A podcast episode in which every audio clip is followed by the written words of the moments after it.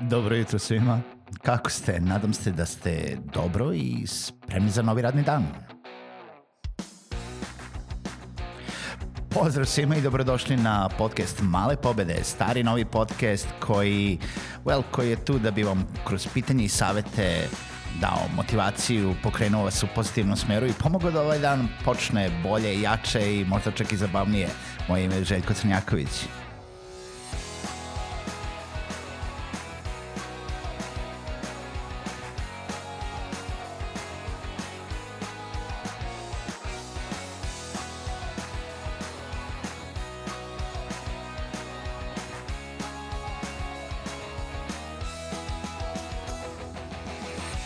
I pozdrav svima, dobrodošli u još jednu emisiju Male pobede.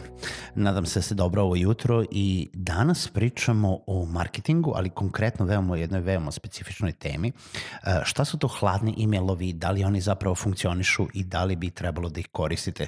Pa za početak, šta su to hladni e-mailovi? E-mail e, kao takav, pričali smo već kao oblik komunikacije, je izuzetan, e, izuzetan alat u marketingu.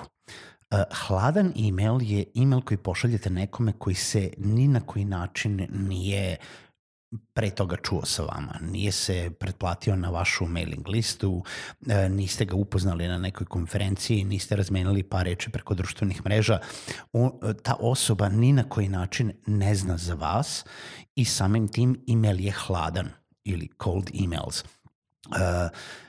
Hladni emailovi postoje od kako postoji internet hladni imalovi postoje, mislim, kao, kao pošta, kao hladna pošta ili hladna komunikacija uh, ili hladan poziv koji, koji možete i dan danas da čujete preko telefona kad vas zovu uh, osobe ili firme ili usluge za koje pre toga niste nigde niti čuli, niti se uh, na bilo koji način dali do znanja uh, da vas to interesuje, pa čak ni dali vaš kontakt za to. Razlika između hladnog e-maila i spema je skoro neprimetna. Uh, postoji razlika. Uh, spam uh, je neko, je poruka koja ide na toliko email adresa da apsolutno moguće i da ne zanima tu osobu. Spam je uh, poruka koja ide svima bez obzira da li je zanima ili ne zanima. U hladnom e-mailu uh, vi se trudite da kontaktirate ljude koji postoji šansa da ih zanima uh, to što vi želite da im kažete. Hladan e-mail funkcioniše ukoliko je personalizovan. Naravno, uh, da bi to podrazumevalo da, na primjer, kontaktirate osobu po osobu, da je istražite, uh, da u tom e-mailu pokušate da ostvarite lični kontakt i da na neki način pomognete toj osobi, jel da kao što smo pričali na nekoj od ranih epizoda, da date vrednost uh, čitaocu tog e-maila, da biste ga na neki način naveli na to da vam odgovori, da vas pita da želi da nastavi kontakt ili bilo šta drugo. Uh, hladan e-mail od spema može da se razlikuje po tome što ćete prvo da segmentirate publiku, da pažljivo uh, izaberete publiku koje bi vaš, vaša poruka mogla da pomogne, ima značaja za nju i tako dalje, da date publici opciju da prestane da prima uh, e-mailove, što znači da recimo koristite neki uh, e-mail servis uh, pomoću kojeg oni mogu da kažu uh, ne želim više da primam uh, vaše e-mailove, da se unsubscribe-uju samo jednim klikom ili da jednostavno opt-out uh, urade sa, sa te e-mail liste. I na uh, bilo koji drugi način on je veoma sličan spamu u tom smislu. E, vi morate da prihvatite da ćete vi uvek biti za nekoga spam i ne treba to da primate lično.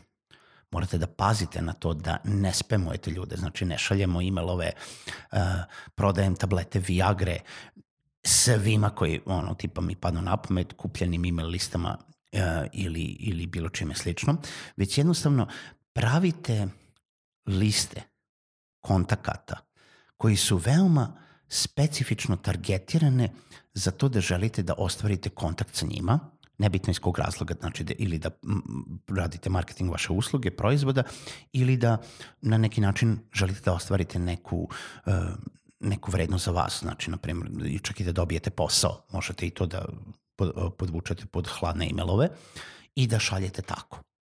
Znači, to znači da ručno istražite kompanije i osobe kojima želite da e, šaljete e-mailove i da od toga pravite listu konkretno, specifično onih ljudi koji bi mogao da zanima e-mail koji šaljete. E-mail sam po sebi, hladan e-mail, ne treba da bude previše napadan. On treba da ima veoma jasno uh, poruku, on treba da ima veoma jasan naslov, on treba da bude, što smo rekli ranije kada smo pričali e-mailovima, to the point.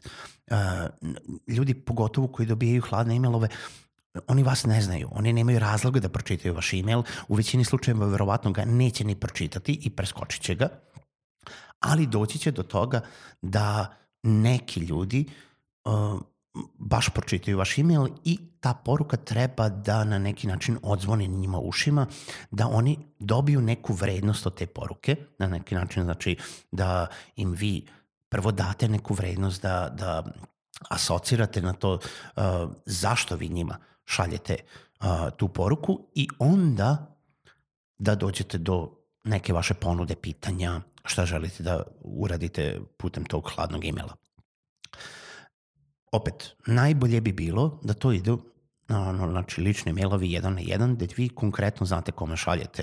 Uh, poštovani Dragane, uh, istražio sam vašu kompaniju XY, uh, vidim da radite fantastične stvari uh, i shodno tome ili pročitao sam vaš poslednji blog post ili zapratio sam vas na društvenim mrežama ili komunicirali ste sa tom nekom osobom preko društvenih mreža, to bi bilo fantastično.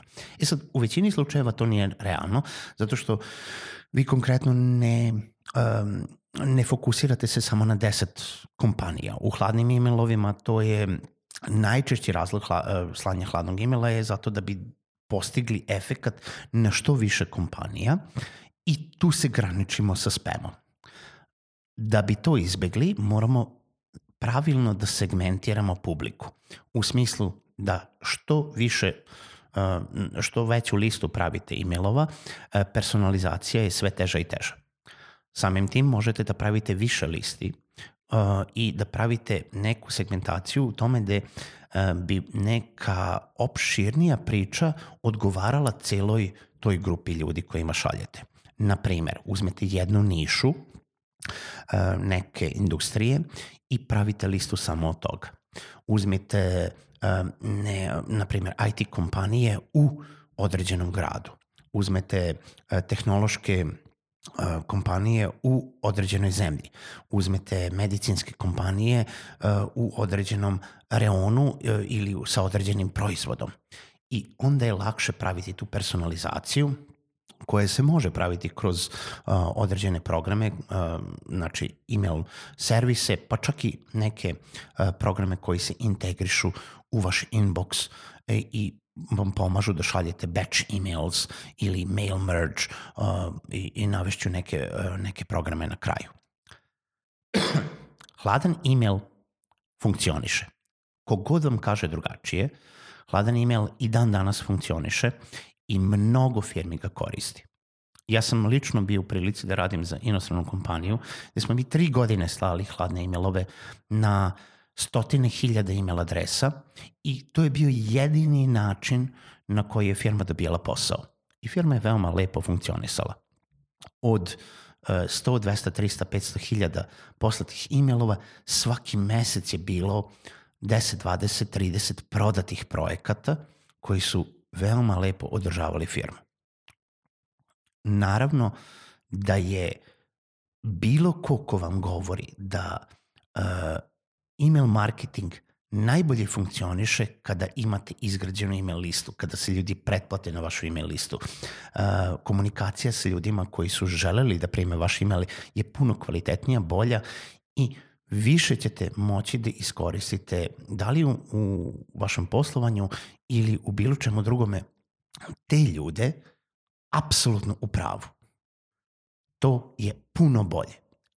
To ne znači da hladan email ne funkcioniše. To ne znači da u jednom određenom segmentu poslovanja vi ne možete da iskoristite, probate da uh, jel da na neki način iskoristite moć hladnog emaila. Morate to da uradite pažljivo, smisleno i sa planom kako bi došli do najbolje opcije za vas i do, do najbolje konverzije.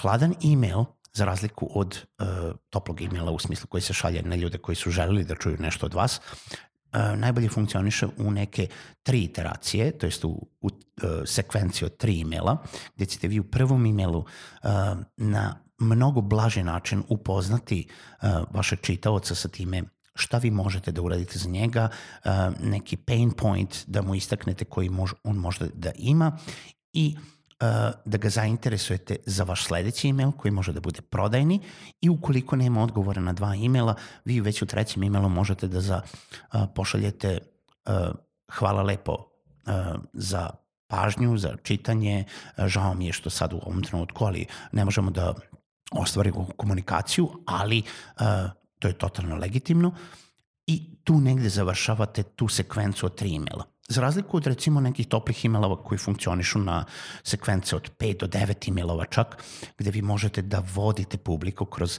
različite segmente, kroz uh, različite grane uh, opcija uh, i daćemo primjer u nekoj sledećih epizoda i za to.